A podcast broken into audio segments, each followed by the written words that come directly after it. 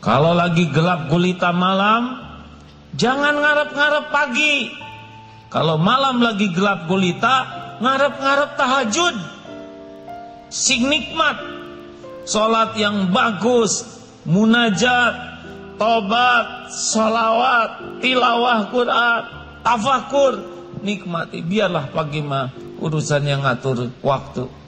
Urusan kita nikmati episode yang ada. Jangan suka nangisin masalah.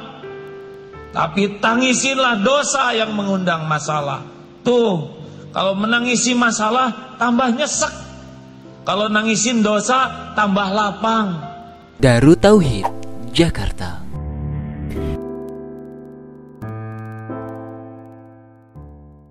Bismillahirrahmanirrahim. Assalamualaikum warahmatullahi wabarakatuh.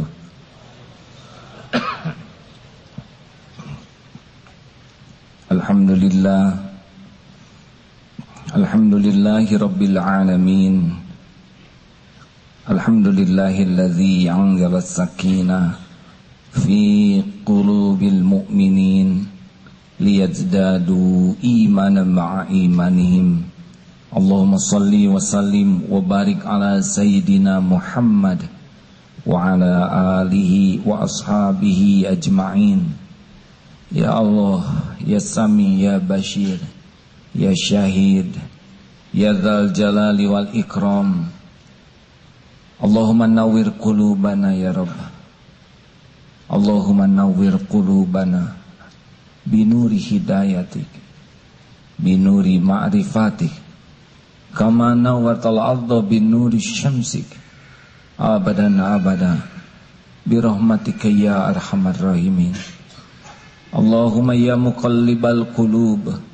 Thabbit qulubana ala dinika wal iman. Allahumma musarrifal qulub. Sarrif qulubana ala ta'atik. Rabbana la tuzigh qulubana ba'da idh hadaitana Wahab lana min ladunka rahmah Innaka antal wahhab. Doa yang maha menatap. Cahayai hati kami ya Rabb. Sehingga hati ini menjadi hati yang tidak pernah lepas darimu. Hati yang selalu terpesona padamu. Hati yang merasakan indahnya cinta padamu. Hati yang selalu bergelora rindu ya Allah. Rindu ingin berjumpa denganmu Doa yang maha menatap Sampaikan salawat salam kami kepada Rasulullah. Kekasihmu tercinta. Kumpulkan kami bersama beliau di yaumal akhir Di surgamu. Amin ya Allah Ya Rabbal Alamin. Hadirin sekalian Tidak terdengar riwayat Rasulullah merayakan ulang tahunnya Tetapi tidak ada salahnya di bulan Rabiul Awal kita lebih banyak menambah ilmu tentang beliau. Jangan menjadi terhalang. Kita mencoba mengkaji sirah Nabi berkaitan dengan tauhid. Di dalam surat Al-Ahzab ayat 21, A'udzubillahi minasyaitonirrajim. Laqad kana lakum fi Rasulillah uswatun hasanah. Liman kana yarjullaha wal yaumil akhir wa dzakarullah katsira.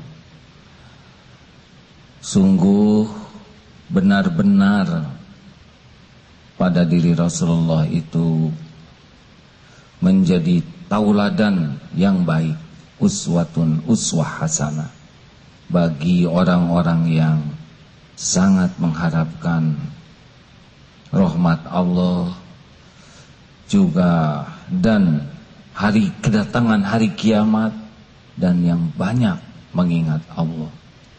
Semoga kita termasuk. Saudaraku sekalian, Rasulullah lahir ayahnya sudah wafat. Usia lima tahun ibunya wafat. Jadi Rasul, maaf Muhammad kecil sebelum jadi Rasul itu yatim dan usia lima tahun yatim piatu. Ini bukan kebetulan, ini sudah diatur Allah. Betapa seseorang yang dibesarkan dengan suasana yang berat, pahit, dikala orang lain, anak yang lain bermain dengan ayahnya, Rasulullah tidak. Dikala usia lima tahun selesai balita masih bisa bercengkerama dengan ibu, Rasul tidak. Muhammad kecil tidak. Apa hikmahnya? Kita tidak bisa milih. Takdir orang tua kita tidak bisa milih. Kita harus terima. Karena memang bukan takdir memilih. Lahir dari rahim siapa, ayahnya siapa, di kota mana, di negara mana, itu adalah mutlak pilihan Allah. Tetapi apa pun yang terjadi startnya itu bukan jadi alasan untuk tidak menjadi orang yang baik. Benar? Tidak boleh mengeluh karena orang tua saya miskin, itu salah. Karena orang tua saya tidak soleh, jadi saya begini. Tidak. Apa pun yang Allah tetapkan kita lahir dari rahim siapa, ayah siapa, bagaimanapun keadaannya, itu adalah pilihan Allah yang tidak usah dikomplain sama sekali. Dan itu adalah awal kita. Kalau dapat ditakdirkan orang tua yang soleh, Alhamdulillah. Belajar banyak. Kalau orang tuanya belum soleh, kita yang ada di barisan yang paling depan. Yang meminta kepada Allah agar orang tua kita selamat. Kalau orang tuanya belum Islam, maka mintalah kepada Allah penguasa hidayah. Pendek kata, apa pun awal kelahiran kita, bukan jadi awal untuk menderita, tapi menjadi awal untuk bangkit menjadi jalan kebaikan. Saudara yang yatim, contohnya Rasulullah sukses, tidak ada alasan. Saya kira ada beberapa yang sudah yatim piatu.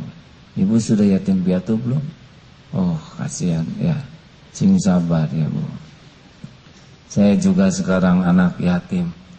Dua tahun yang lalu ayah saya sudah kembali pada penciptanya.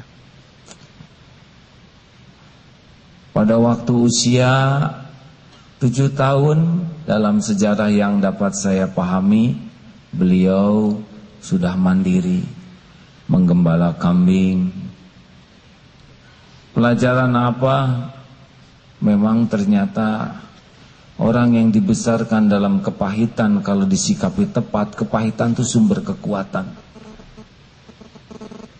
Anak-anak yang di rumahnya banyak pembantu cenderung kurang empati. Orang yang biasa dilayani itu lebih mudah untuk marah, jengkel, marah kepada pembantu yang pembantunya dia tidak pernah merasakan maaf beratnya jadi pembantu. Tapi orang-orang yang mandiri dari kecil tidak dilayani cenderung lebih kuat. Benar? Hati-hati hadirin yang di rumah tangganya banyak pembantu, jangan-jangan kita sudah memperlemah anak kita karena menjadi tidak mandiri. Walaupun sanggup membayar pembantu, jangan biarkan anak-anak kehilangan kemampuan mandiri. Karena Rasulullah pun ternyata dididik demikianlah takdirnya mandiri. Usia remaja ada riwayat Rasulullah mau mendengar hiburan tetapi ketiduran. Apa hikmahnya? Orang yang disukai Allah itu memiliki ciri khas, dipersulit berbuat maksiat, dipermudah berbuat taat. Jadi kalau saudara mau maksiat gagal terus, Saudara beruntung. Benar hadirin. Kalau Allah sayang kepada seorang hamba yang spesial, dia akan dicegah berbuat dosa, dimudahkan berbuat taat. Saudara mau lihat VCD yang tidak layak ditonton, rusak DVD. Punya handphone sering dipakai lihat yang enggak-enggak, kecemplung lagi wudhu ke WC dan tidak bisa diambil karena gotnya dalam. Udah gaya-gaya mau apel, hujan besar. Pakai jas hujan, ban kempes. Begitulah cara Allah menolong. Sampai di sana sudah pergi yang ada tinggal neneknya. Itulah karunia Allah. Oh, saudara harus tahu ini beneran, ya. Mau nonton bola ketiduran. Pas bangun sudah selesai, tinggal tahajud. Bagus. Saudara mau tidur pulas, kucing berantem di atas. Susah lagi usirnya. Giliran kucing sudah pergi, saudara mau tidur lagi nih jam 3 nih ya. Tiba-tiba pengen ke belakang. Sudah di kamar mandi mau niat tidur lagi, salah buka keran, kebanjur bacanya. Jadi wudhu, jadi tahajud ya. Bagus. Ada yang mau ke diskotik, salah taksi malah ke BI sini. Alhamdulillah. Tidak ada yang kebetulan. Kalau Allah sayang ke hambanya begitu. Kemarin ceramah di Sukamiskin. Sukamiskin penjara tipikor, tindak pidana korupsi. Saya dengar penghuninya 464 orang yang tersangka dan terpidana. Banyak yang saya kenal karena waktu diundang ceramah di daerahnya, beliau kepala daerah. Ada yang nunduk saja. Kalau di luar begini, ganas ini tentang korupsi. Karena ada tiga perkara. Satu, kita harus mencegah kemungkaran sekuat tenaga. Dan kalau sudah tertangkap itu yang mungkar, hukum dengan hukuman yang paling adil. Tapi kalau sudah menjadi tahanan, beda lagi. Kita harus bantu supaya dia memanfaatkan saat ditahan itu untuk bekal husnul khotimah. Kita hanya boleh benci kepada kemungkarannya, tapi kepada orangnya harus rahmatan lil alamin. Itulah contoh Rasul.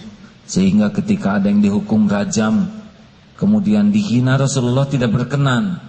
Karena boleh jadi hukuman itu menjadi kafara. Saya bertanya begini di sana. Uh, saudara tidak ikut menjawab ya karena suasananya beda.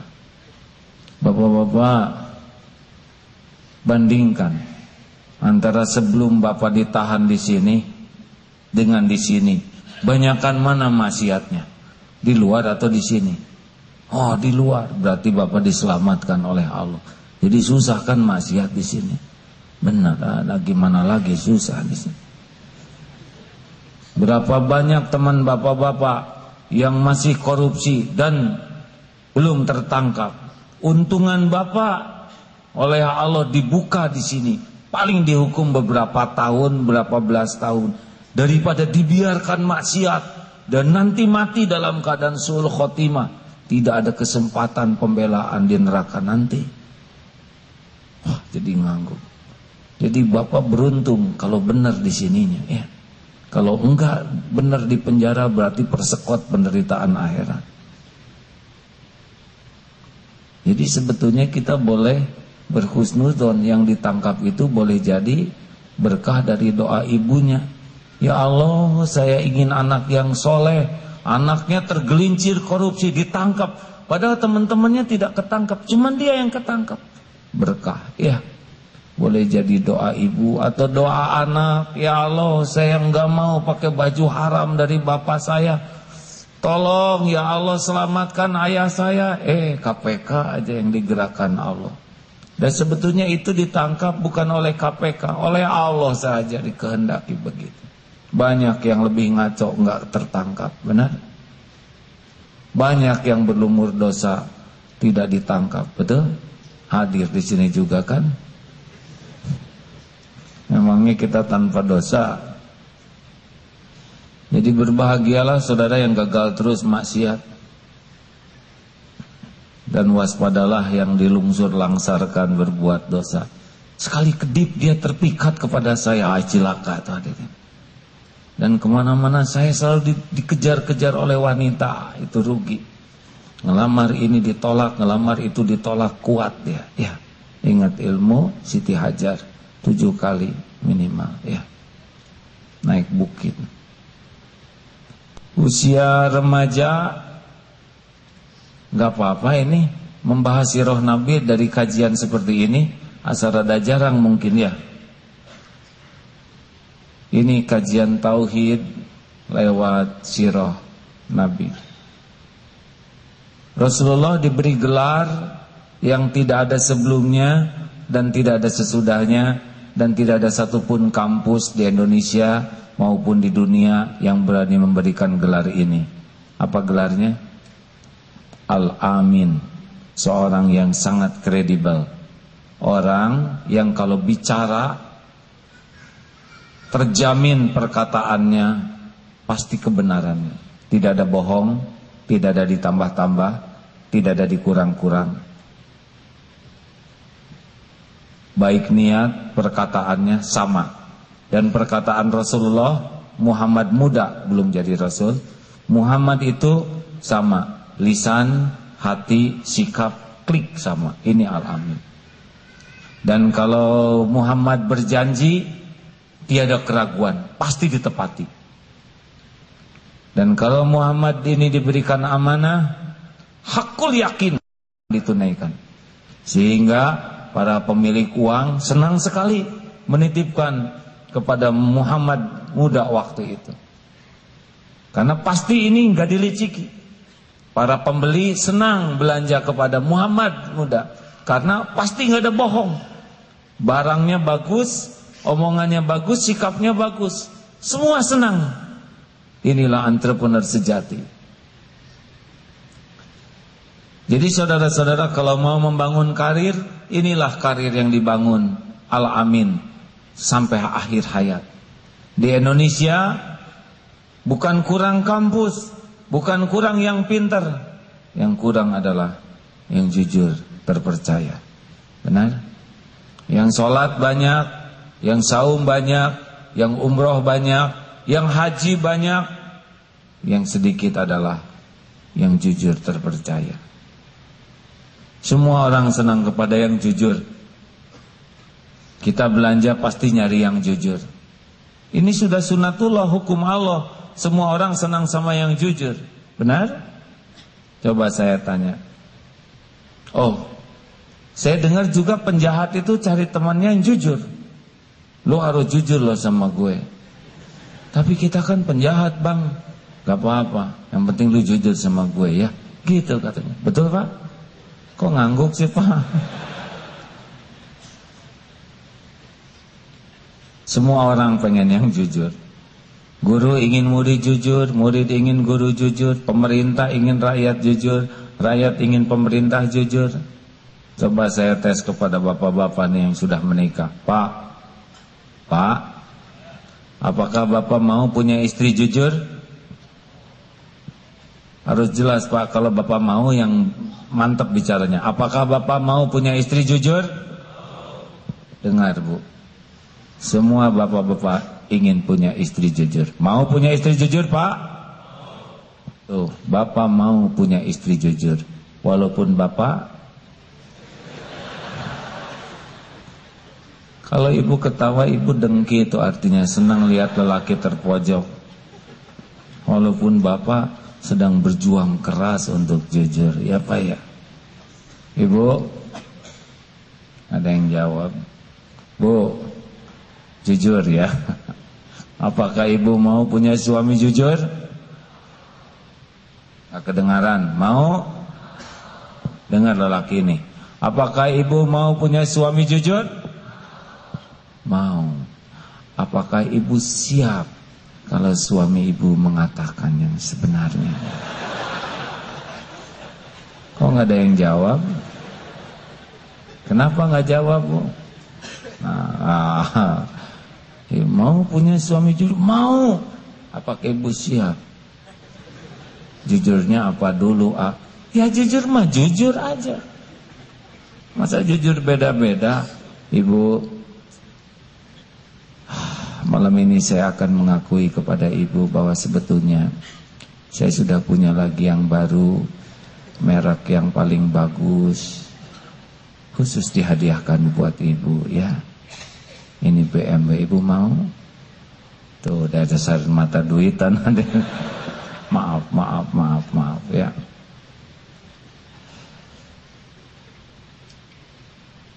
Bergurau itu bisa jadi dosa. Maaf ya bu ya. Jangan sampai nggak memaafkan bu ya. Alhamdulillah. Teruskan.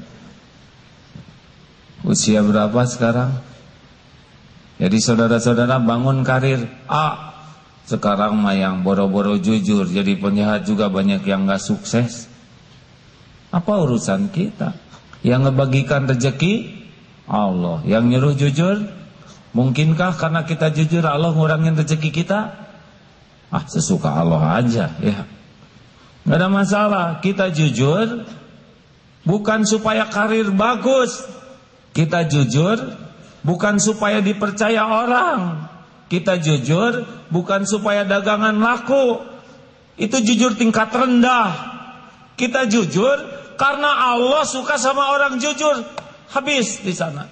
Orang mau percaya, mau tidak percaya, mau laku, mau tidak laku, mau muji, mau nyaji, monggo. Itu bukan urusan kita. Urusan kita jujur lillahi ta'ala. Jadi kalau kita sudah jujur, malah kita dimutasikan, ya nggak apa-apa nggak apa-apa. Sudah jujur, malah kita uh, dikeluarkan dari kantor, ya nggak apa-apa. Emang apa sih kantor?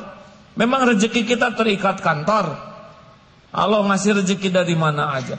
Kita udah jujur, ternyata tetangga kita ini licik banyak lakunya. Ini licik banyak lakunya. Kita jujur sedikit atau sedang, nggak apa-apa.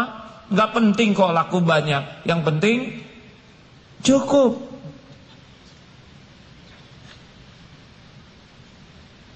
Jelas Pak?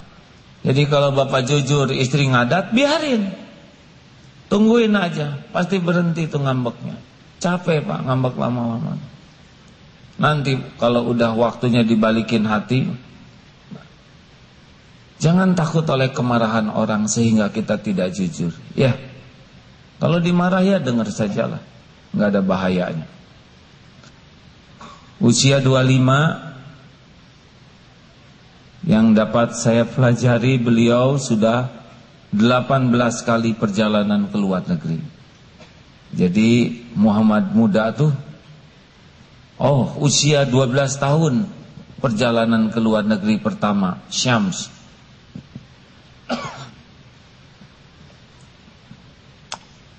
Ayo nabung. Kalau belum sanggup ke luar negeri, keluar kota. Keluar kampung. Bumi Allah ini luas. Banyak yang bisa kita lihat. Alhamdulillah saya mendapatkan takdir sering bepergian ke negara-negara lain. Sama negara-negara mana juga satu milik Allah. Jangan merasa keren ke luar negeri, ya. Sama aja milik Allah. Lihat dunia semuanya milik Allah. Semuanya ciptaan Allah. Semuanya banyak hikmahnya bagi orang yang beriman. Pergi ke Jepang. Jepang itu orang-orang ciptaan Allah. Bersih, rapi, disiplin. Kita sudah punya teorinya. Mereka punya prakteknya. Tinggal kita ambil hikmahnya. Benar? Singapura, negara mungil. Umat Islamnya 16,5 persen. Negara tetangga nggak milih jadi tetangga. Daripada kita jengkel mencaci, lebih baik apa yang bisa diambil di sana. Lihat kalau jemaah haji Singapura mau ke toilet itu antri. Keunggulan kita berlomba.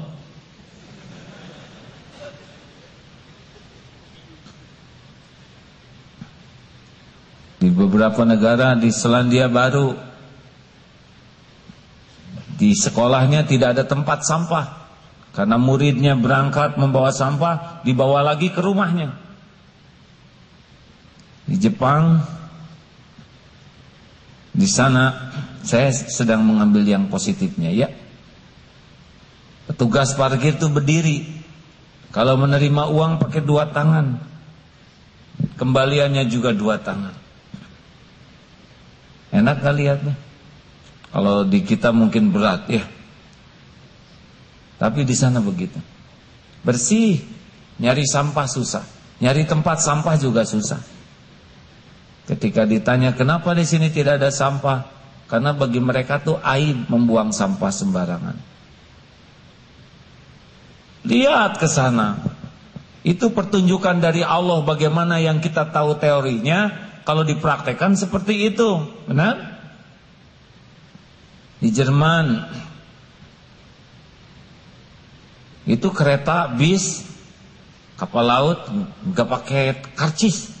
Maksudnya nggak ada pemeriksaan. Karcis ada tapi nggak diperiksa. Coba, seneng kan? Saya tahu sebagian pikiran saudara. Sama dengan pikiran saya waktu ke sana. Wah, kalau nggak ada yang meriksa, kenapa saya harus beli karcis? Anak ditakdirkan ada di sana, Pak. Orang Jerman ngomongnya nggak gitu. Kalau nggak bayar karcis nggak ada bis, katanya begitu. Jadi mereka membayar karena ini fasilitas yang digerakkan dengan kesadaran. Ah, banyak di pelosok dunia ini yang bisa kita pelajari. Menambah wawasan. Saudara kalau lihat orang bule tinggi, jangan lihat tinggi badannya. Lihat Allah yang menciptakan. Oh, bikinan Allah. Apa katanya? Ini kok anak kecil tua. Biarin. Mau ngomong apa aja sok wae lah. Dan saya juga bikinan Allah. Benar? Adakah yang bukan bikinan Allah? Enggak ada. Semuanya bikinan Allah. Semuanya ada hikmahnya. Betul?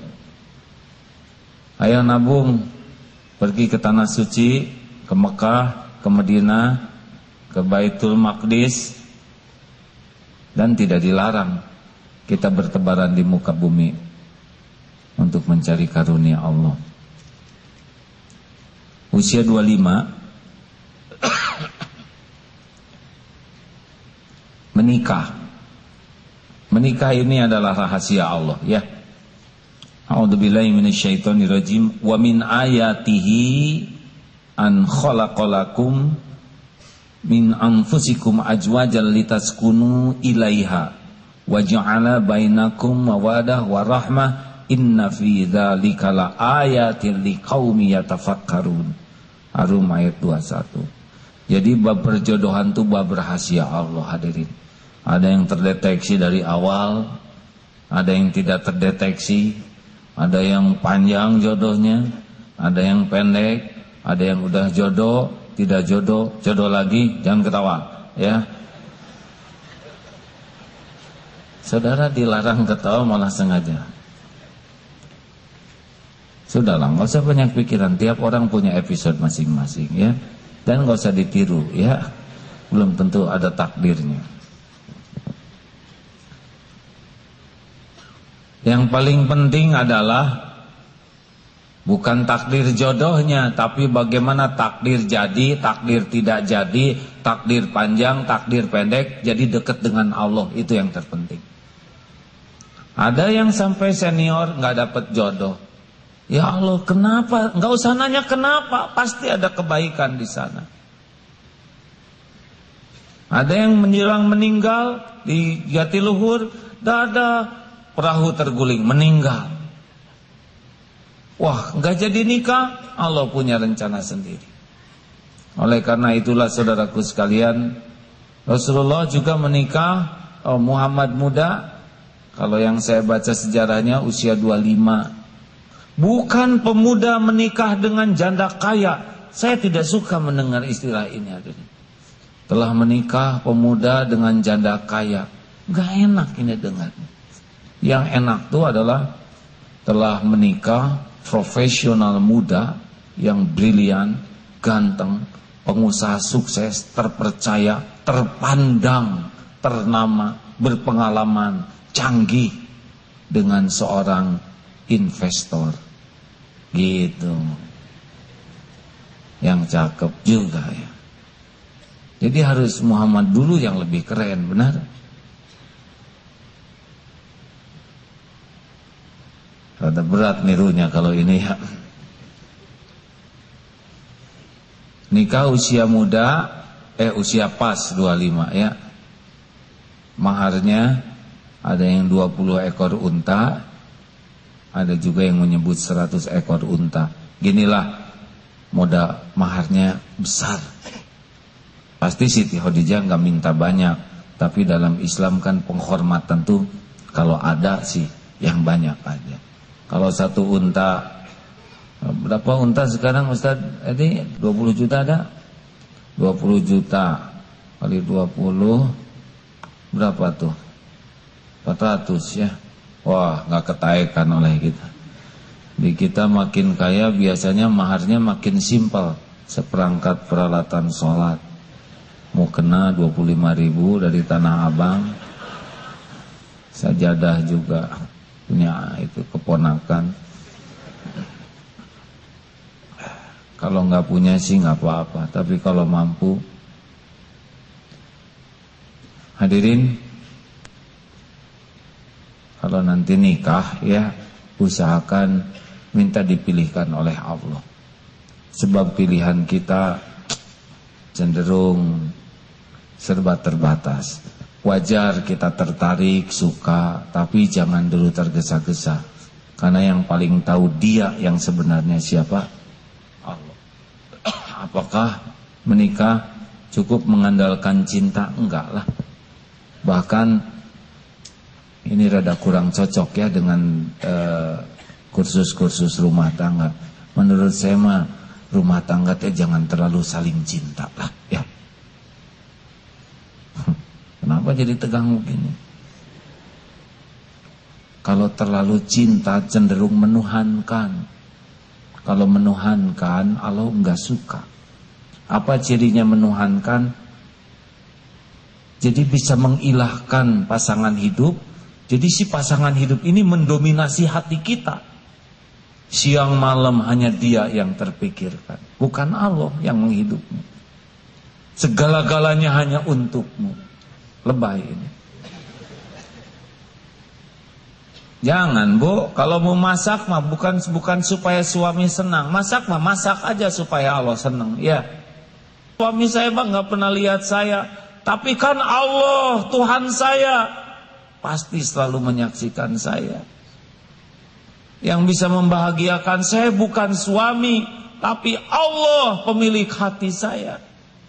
Dan yang bisa mengantarkan saya husnul khotimah bukan suami, tapi Allah penggenggam nyawa saya. Dan yang punya sorga juga Allah. Enak dengarnya hadirin. Nah cinta yang asli gini nih. Jadi kalau nanti istri mengatakan mas maaf ya saya kurang begitu cinta padamu. Nah, tunggu dulu terusannya apa? Ya, jadi cinta sama siapa? Ya sama tetangga. Nah itu masalah hadirin. Tapi mas saya mah cinta sama mas mah ala kadarnya. Maaf mas hati saya tuh pol sama Allah. Lihat hari-harinya. Kalau dia khidmat, dia rajin, dia baik. Karena memburu cinta Allah itu udah benar. Begitu. Jangan segala-galanya untukmu ya. Kita sama-sama nebeng di dunia ini. Benar? Ada yang suaminya udah meninggal? Mak, Bu. Ah, nggak ada yang ngaku hadirin. Auranya mah ada nih. Ada yang sudah wafat suaminya? Acungkan tangan. Ibu sudah wafat suaminya? Sudah berapa tahun? Maaf Bu. Empat tahun? Yang depan sebelas? Rezeki tetap ada kan Bu? Ada. Karena suami bukan pemberi rizki, suami pemakan rizki. Ya. Jadi jangan sok keren, hei lelaki biasa-biasa aja.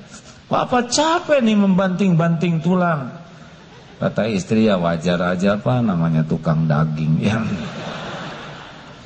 Dah cari nafkah ma amal soleh ya. Allah yang merezekiin. Usia 30 sampai 40 sudah tidak transaksi bisnis, tapi lebih ke investor. Ini boleh nih ditiru nih. Pertama kita jadi tukang jahit. Ningkat jadi ahli jahit profesional nih ya. Orang nanti ngejar kita tapi pasti capek jadi ahli jahit. Karena orang maunya yang dijahitin oleh kita. Lama-lama jadi pengusaha jahit. Nah, ini sudah enak nih kalau udah gini. Lama-lama tinggal orang yang ngurus, kita yang dapat untung itu namanya investor ya. Tapi wajah-wajah ini kelihatannya belum waktunya ya.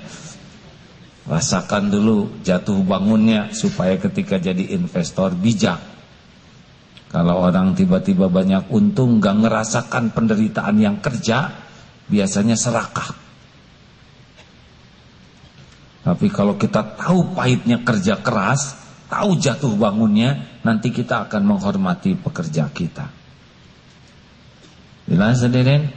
Makanya jangan mau langsung kaya, babak belur dulu, bagus ya. Dimatangkan oleh kepahitan tuh. Orang yang terlatih menghadapi kepahitan, dia akan menikmati kepahitan dan jauh mensyukuri kenikmatan walaupun sedikit.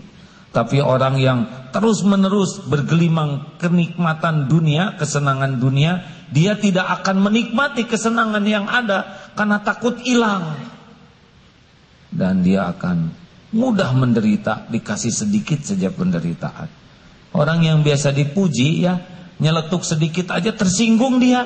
Tapi yang biasa dicaci nggak ngepek. Benar?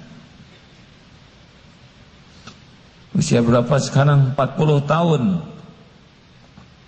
Beliau sering tahanut menyendiri di Gua Hiro. Titik baliknya usia 40 beliau diangkat menjadi nabi, Rasulullah, nabi terakhir dengan wahyu dari malaikat. Apa hikmahnya? Hadirin tolong perhatikan. Tidak ada cacatnya yang namanya Muhammad ini. Semua orang percaya. Track recordnya bagus. Tapi ketika mengibarkan bendera Tauhid. La ilaha illallah. Tiada ilah. Tiada Tuhan yang berhak disembah. Selain Allah bendera tauhid dikibarkan sunatullahnya kawan bisa jadi lawan saudara jadi musuh karib jadi anti yang ngedeketin berubah menjauhi dibalik ini artinya jangan heran kalau kita mau nyari yang benar bahkan menegakkan yang benar kita bakal banyak lawannya Gak apa-apa, ini sunatullahnya. Akhwat mau pakai jilbab, giliran dipakai. Apa kamu kayak nenek sihir? Ada ini. Gundul ya. Di kantor dipecat, calon suami hm, tak terima, ninja. Ini semua cobaan sudah diukur oleh Allah. Semua kepahitan ini sudah dihitung oleh yang maha adil. Hadapi bagaimana rumusnya? HHN.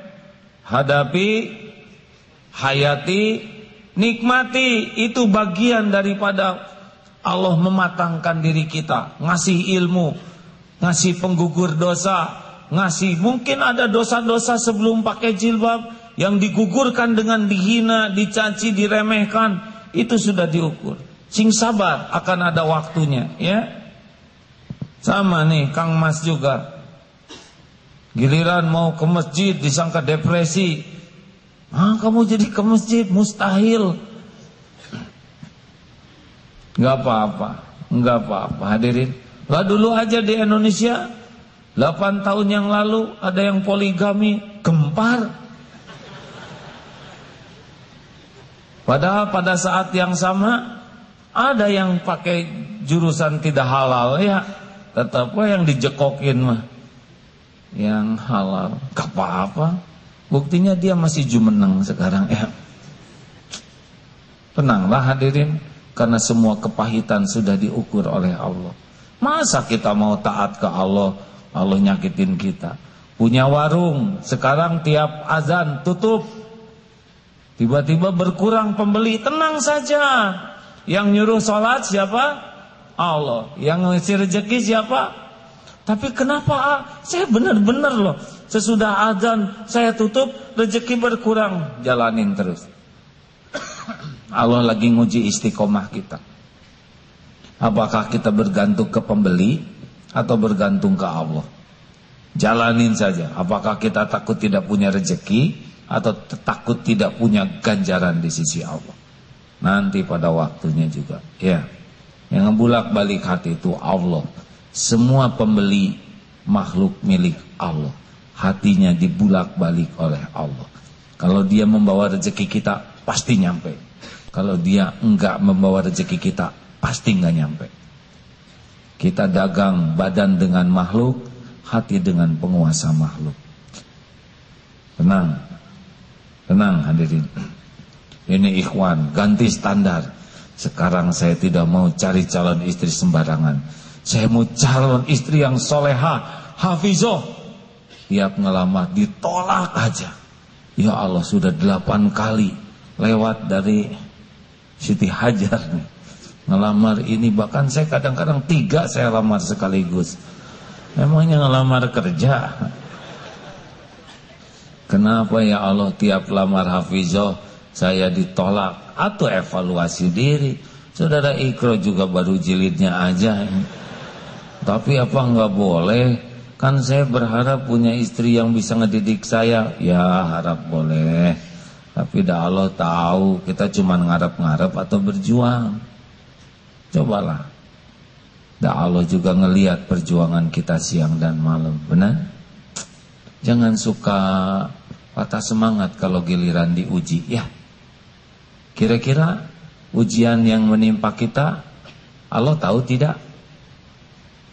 Ah, nggak pada jawab begini hadirin. Allah tahu tidak? Sudah diukur tidak oleh Allah? Kira-kira Allah zolim ke kita atau baik? Kira-kira ujian yang menimpa kita baik tidak? Baik atau pasti baik?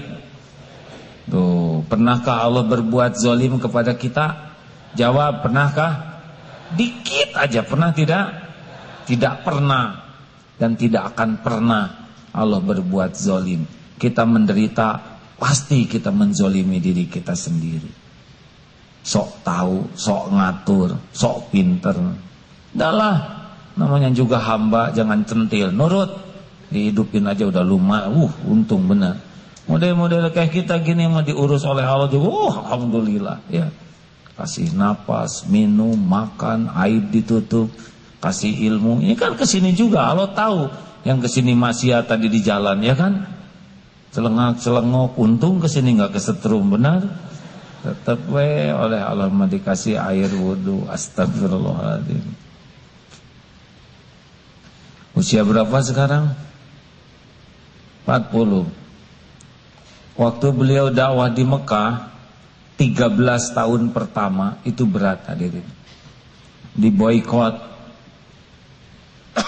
Di blokade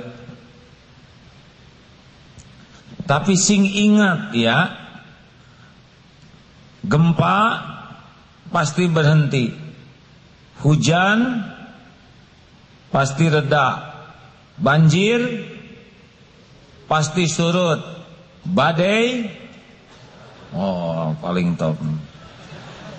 Saya juga suka ngejemputnya. Badai pasti berlalu. Segalanya pasti ada ujung. Kalau lagi gelap gulita malam, jangan ngarep-ngarep pagi. Kalau malam lagi gelap gulita, ngarep-ngarep tahajud. Sing nikmat. Salat yang bagus, munajat, salat, tobat, salawat, tilawah Quran, tafakur, nikmati. Biarlah pagi mah urusan yang ngatur waktu. Urusan kita nikmati episode yang ada. Jangan suka nangisin masalah. Tapi tangisinlah dosa yang mengundang masalah. Tuh, kalau menangisi masalah tambah nyesek. Kalau nangisin dosa tambah lapang. Itu kalau sholat tanya dulu nangisnya kenapa? Nggak nyangka. Ah, ah udah pasti, udah pasti nih. Bakal lama nih sedihnya. Tuh dia udah diam. Jangan ngomong sama saya. Saya nggak mau ikutan. Kenapa saya ditipu dia? Salah ngomongnya. Dosa apa ya Allah yang saya lakukan sehingga saya terpilih ketipu? Kan yang nipu ya urusan dia dengan Allah pasti ada catatannya. Tapi kita terpilih ketipu pasti urusan dosa kita. Oh ya memang saya udah terlalu senang dengar untung. Jadi nggak mikir apa-apa. Ini nih. Astagfirullah. Ya dan memang Allah tahu saya terlalu bersandar kepada modal itu. Uang itu adalah segala-galanya. Uang itulah untuk anak-anak sekolah Uang itulah untuk masa depan. Lupa ke Allah yang menguasai. Oleh Allah diambil aja uangnya. Ya. Boleh kita urus ke pengadilan dan sebagainya. Tapi yang paling pokok kita harus menemukan dosa kita. Mengapa kita terpilih dapat ujian ini. Gitu. Rasulullah ma istighfar 100 kali sehari. Kita berapa kali Pak? Hah? Kita mah istighfar kalau lagi jengkel. Astagfirullahaladzim. Astagfirullahaladzim. Jadi beda hadirin. Nah hijrah. Rasulullah hijrah sesudah 13 tahun. 13 tahun ini pelajaran Rasul yang Rasul ajarkan adalah tauhid. Ilmu mengenal Allah, ilmu mengenal jalan dekat ke Allah, ilmu mengenal konsekuensi kalau jauh dan dekat dengan Allah. Waktu hijrah, nih lihat nih, hijrah. Jadi saudara, jangan heran kalau nanti dakwah di rumah nggak pada percaya, ya. Anak-anak, kalian harus bertakwa kepada Tuhan yang Maha Esa. Sesuai UUD 45. Ah, udah ini pasti penatar P4 sih Bapak. Hadirin jangan heran ya. Orang yang paling pertama kali menolak dakwah kita adalah keluarga kita. Tahu kenapa? Karena sunnah Rasul bukan. Karena tahu modalnya. Anak-anak kan tahu modal orang tuanya, betul? Kalian harus ngaji rajin kata anak-anak. Apa ina atau ina ina atau ina. Hadirin, Tolong digaris bawahi ya. Kalau kita ingin keluarga kita berubah, pertanyaannya adalah perubahan apa yang ada pada diri saya. Jadi jangan anak saya tuh kok nggak rajin sholat, itu boleh ditanya. Tapi benarkah sholat saya? Saya tuh keingin kalian tuh tahajud. Pertanyaannya, baguskah tahajud saya? Cik atuma, jadi wanita tesing lembut, lembutkah saya? Setiap kali kita menuntut orang berubah, tuntutan terbesar adalah nih, ketika begini, ini. Makanya kalau mau menuntut begini, kalau gini, nah kita tuh suka lupa. Kalau udah nuntut orang tuh seakan hanya orang yang harus berubah. Allah ngelihat perubahan kita Eh bapak-bapak Pengen istri-istrinya berubah Maaf ya dua kali nyebutnya Habis kalau nyebut sekali kagok rasanya Kenapa ketawanya begitu Pak? Pasti ada maksud ya Memang ah, saya ke sini mau berguru karena Jangan hanya lihat duanya, lihat badainya ya. Jangan takut. Kalau hijrahnya karena Allah pasti untung. Walaupun mungkin ada masa periode hijrah tuh ada ujiannya, ya. Pindah dari kerja yang wah berkelimang dosa ke kerja yang lebih besar taat, gaji lebih dikit tapi taat lebih besar. Cinta. Nanti ah nggak cukup, mungkin ada episode mantap, ya tahu mantap? Makan tabungan, nanti rada matang, makan utang dikit ya. Terus tobat, tobat, tobat. Nanti Allah ada waktunya nolong. Enggak mungkin disia-siakan. Nah hadirin, kalau sudah sukses, Idza jaa nasrullahi wal fath wa ra'aitan nasa yadkhuluna fi dinillahi afwaja fasabbih bihamdi rabbika wastaghfir innahu kana tawwaba Jangan pernah merasa sukses. Tapi merasalah semuanya hanya pertolongan Allah. Kita berjuang sekuat tenaga untuk tahajud. Kalau udah bisa tahajud, semuanya memfadli Rabbi. Hanya Allah yang ngebangunkan. Hanya Allah yang membuat saya kuat. Hanya Allah yang memberikan saya khusus. Kita cari nafkah supaya banyak sedekahnya. Eh, yang mana yang betul? Bersedekah supaya banyak uang tapi menjemput banyak rezeki supaya banyak sedekah. Yang satu, yang kedua. Sedekah dulu supaya banyak uang atau cari uang supaya banyak sedekah. Gak jelas nih, gak jelas. Yang ke satu, yang kedua. Kedua, ya. Saudara juga boleh kalau saya sedekah supaya banyak uang, ya boleh, boleh, boleh, boleh.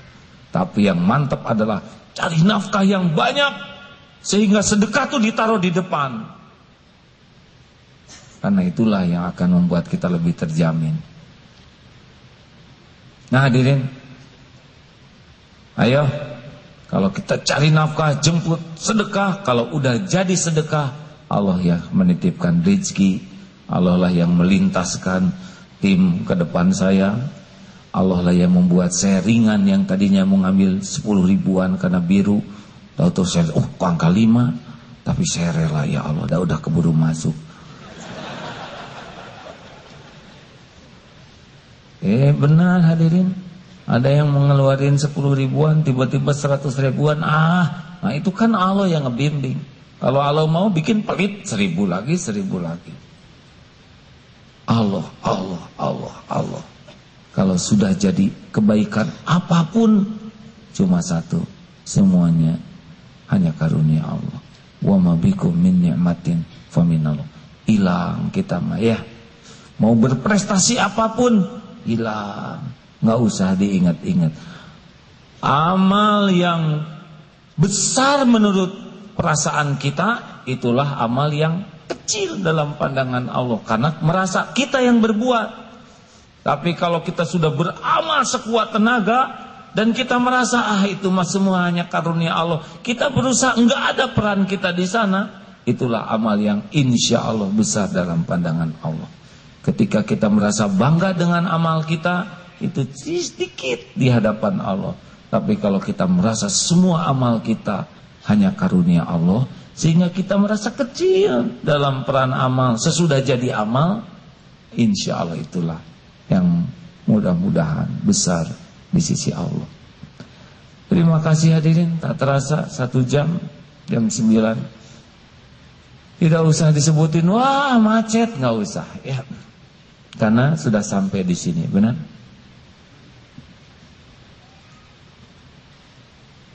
Alhamdulillah saya menikmati hari ini macet Dari Bandung ke BSD macet Alhamdulillah puas naik mobil Ya travel itu kenyang dari BSD barusan ke sini dua setengah jam, alhamdulillah tetap nyampe ya. Jadi apa yang mau dikeluhkan, betul? Syukuri saja. Terima kasih hadirin. Acungkan tangan yang baru pertama kali hadir. Terima kasih, semuanya sudah dikehendaki Allah. Acungkan tangan yang ngajak temennya. Cung. Ini yang ngajak ya. Yang ngajak tapi kurang berhasil, cung. tenang, tenang ya, sudah udah ada catatannya ya. Dirantai nanti ya, gendong ke sini.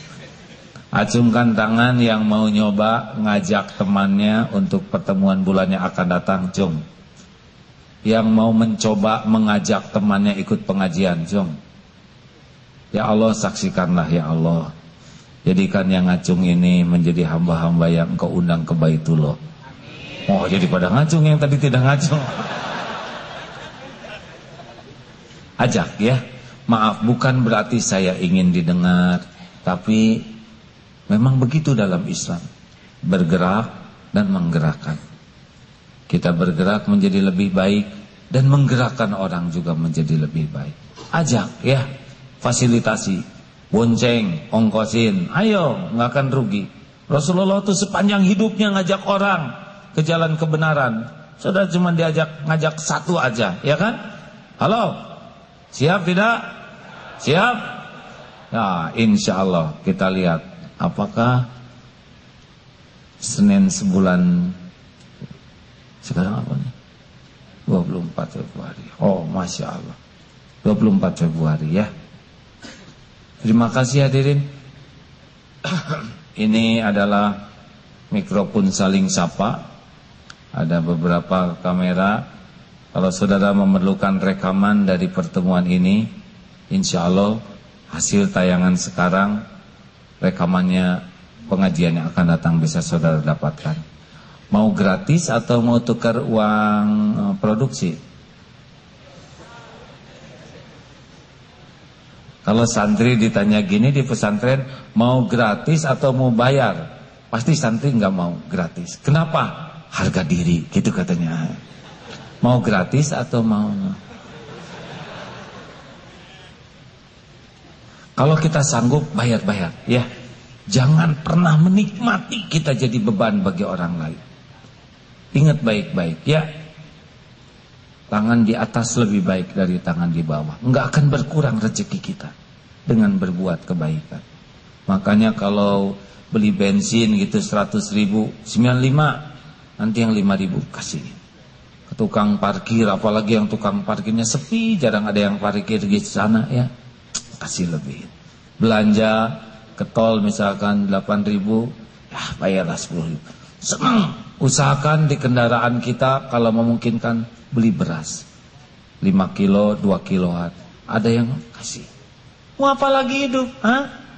kalau enggak dengan harta dengan tenaga pokoknya di mana kita ada keluarkan manfaat. Dan lillahi ta'ala jangan pernah nunggu ucapan terima kasih.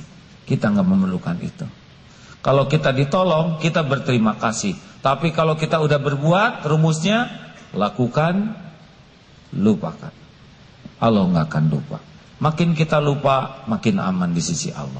Makin diingat-ingat, apalagi disebut-sebut, makin gak aman kebaikan kita. Cukuplah Allah yang maha tahu. Terima kasih hadirin. Kita akan segera menutup. Masjid sudah hampir selesai. Nanti saudara di luar bisa minat. Ada hikmahnya hadirin. Astagfirullah.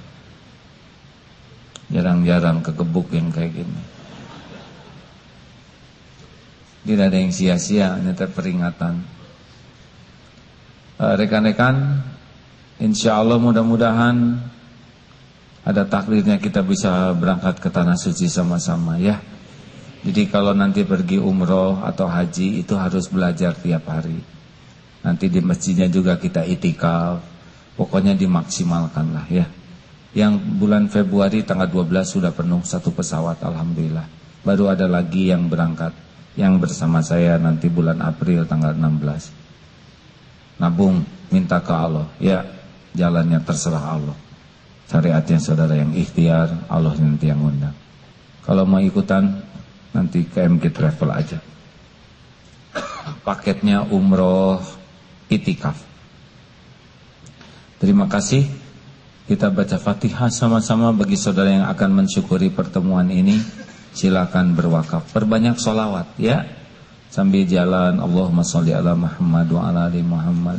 Karena setiap kali kita solawat Allah akan menyampaikan ke Rasul dan dibalas 10 kali. Walaupun main-main tidak khusus solawat itu tetap diijabah. Karena Allah juga bersolawat kepada Rasulullah. Innallaha wa malaikatahu yusalluna 'alan nabi. Masya Allah. Silakan saudara yang mau berinfak, mudah-mudahan menambah mustajabnya doa kita. Al-Fatihah.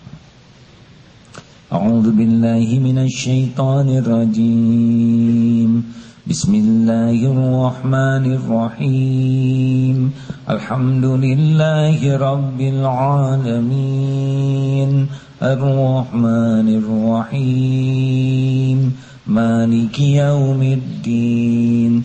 إياك نعبد وإياك نستعين. اهدنا الصراط المستقيم. صراط الذين أنعمت عليهم غير المغضوب عليهم ولا الضالين. آمين يا الله. آيات كرسي. الله لا إله إلا هو الحي القيوم. لا تأخذه سنة ولا نوم. له ما في السماوات وما في الأرض. من ذا الذي يشفع عنده إلا بإذنه. يعلم ما بين أيديهم وما خلفهم. ولا يحيطون بشيء من علمه إلا بما شاء.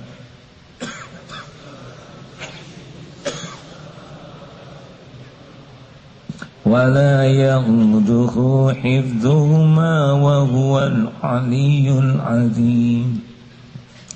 بسم الله الرحمن الرحيم. قل هو الله أحد الله الصمد لم يلد ولم يولد ولم يكن له كفوا أحد. بسم الله الرحمن الرحيم. قل أعوذ برب الفلك من شر ما خلق. ومن شر غاسق إذا وقب ومن شر النفاثات في العقد ومن شر حاسد إذا حسد. بسم الله الرحمن الرحيم. قل أعوذ برب الناس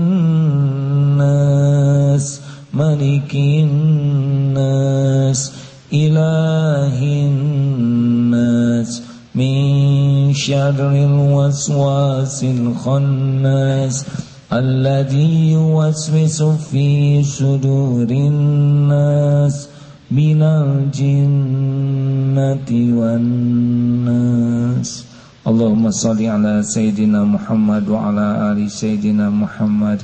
كما صليت على سيدنا إبراهيم وعلى آل سيدنا إبراهيم وبارك على سيدنا محمد وعلى آل سيدنا محمد كما باركت على سيدنا إبراهيم وعلى آل سيدنا إبراهيم في العالمين إنك حميد مجيد Alhamdulillahirrabbilalamin Ya Allah amin ya karim Alhamdulillah ya Allah Ya Hayyu Ya Qayyum Birahmatika nastagith Ya Arhamar Rahimin Ya Dal Jalali wal Ikram. Irhamna Ya Allah Irhamna fid dunya wal akhirah. Doa yang maha menatap Berkahilah majlis ini. Ya Allah Engkaulah yang mengumpulkan kami. Engkau pula yang maha tahu siapa diri kami yang sebenarnya. Engkau saksikan maksiat apa pun yang kami lakukan. Tiada yang tersembunyi bagimu. Engkau tahu kebusukan kami yang sesungguhnya.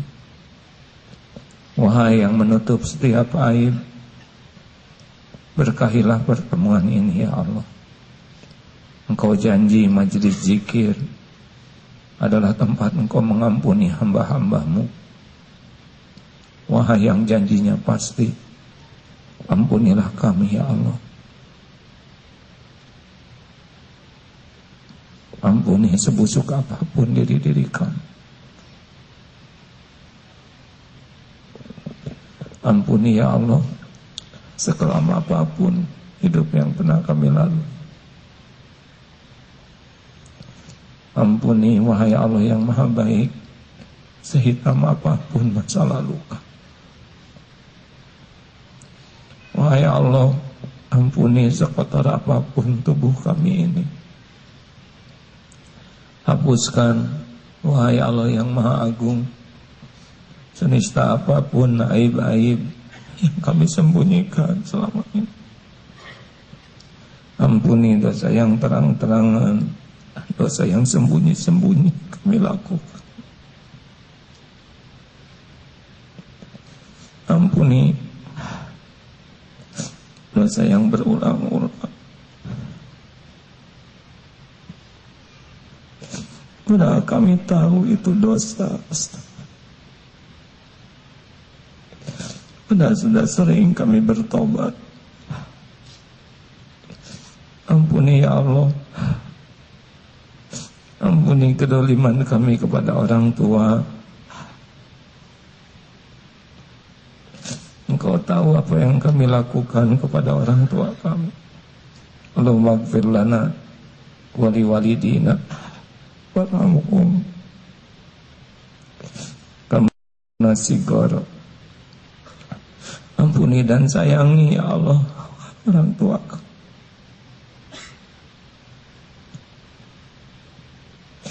Berkahi sisa usianya jadikan air ayatnya usnul khotimah